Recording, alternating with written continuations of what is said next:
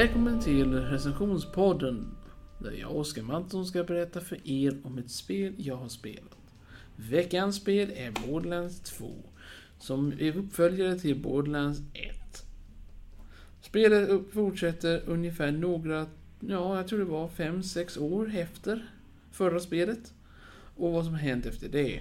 Vi följer dock en ny person som är antagligen skurken, eller ja, i denna världen så är hjälten skurken, vilket är ganska komiskt. Mitt namn Handsome Jack.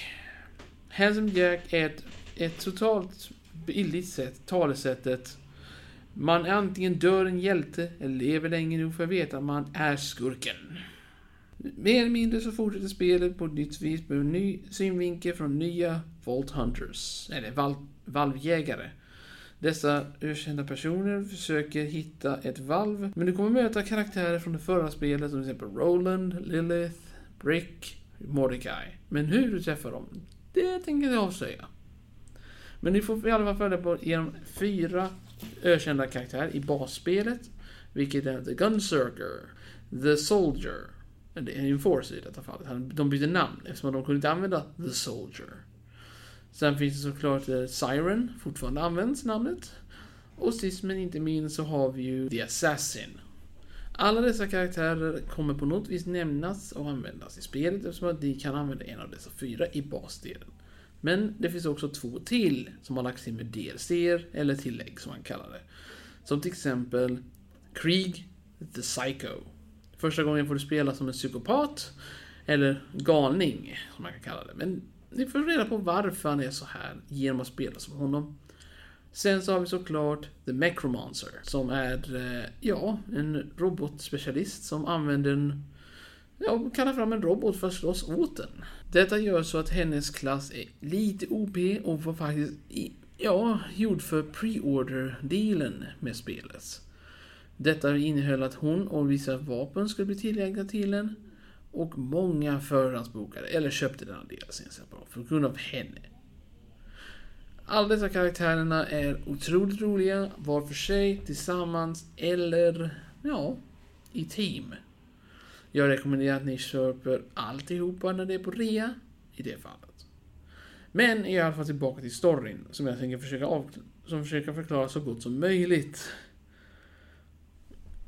Hela spelet går ut på att du ska hjälpa, eller du anländer till planeten i ett tåg till skillnad från buss, som förra spelet var. Ja, det kan låta lite skrämmande. Ni kommer med buss i första spelet, ett tåg i andra. Men varför? Jo, det är därför att någon vill att folk ska åka dit nu. För att ta död på er.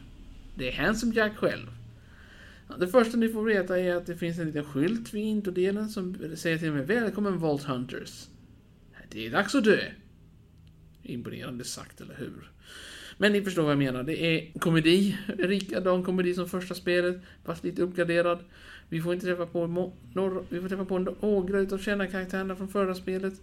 Men många utav dem finns inte med oss längre. Sorgligt tycker jag. Men vi får också reda på varför och hur det kommer sig att de inte finns längre. I alla fall, för att försöka förklara mer om spelet så, ni överlever katastrofen. Ni möter Claptrap igen, på ett nytt vis.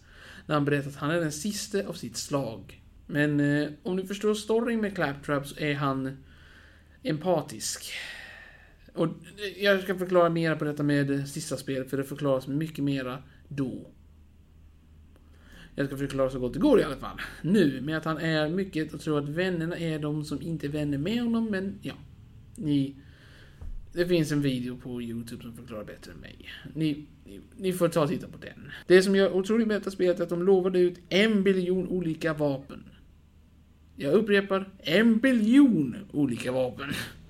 Detta betyder variationer, ändringar, vapenmodifikationer och liknande. Och allt detta blev inte tillagt att man kunde modifiera själv.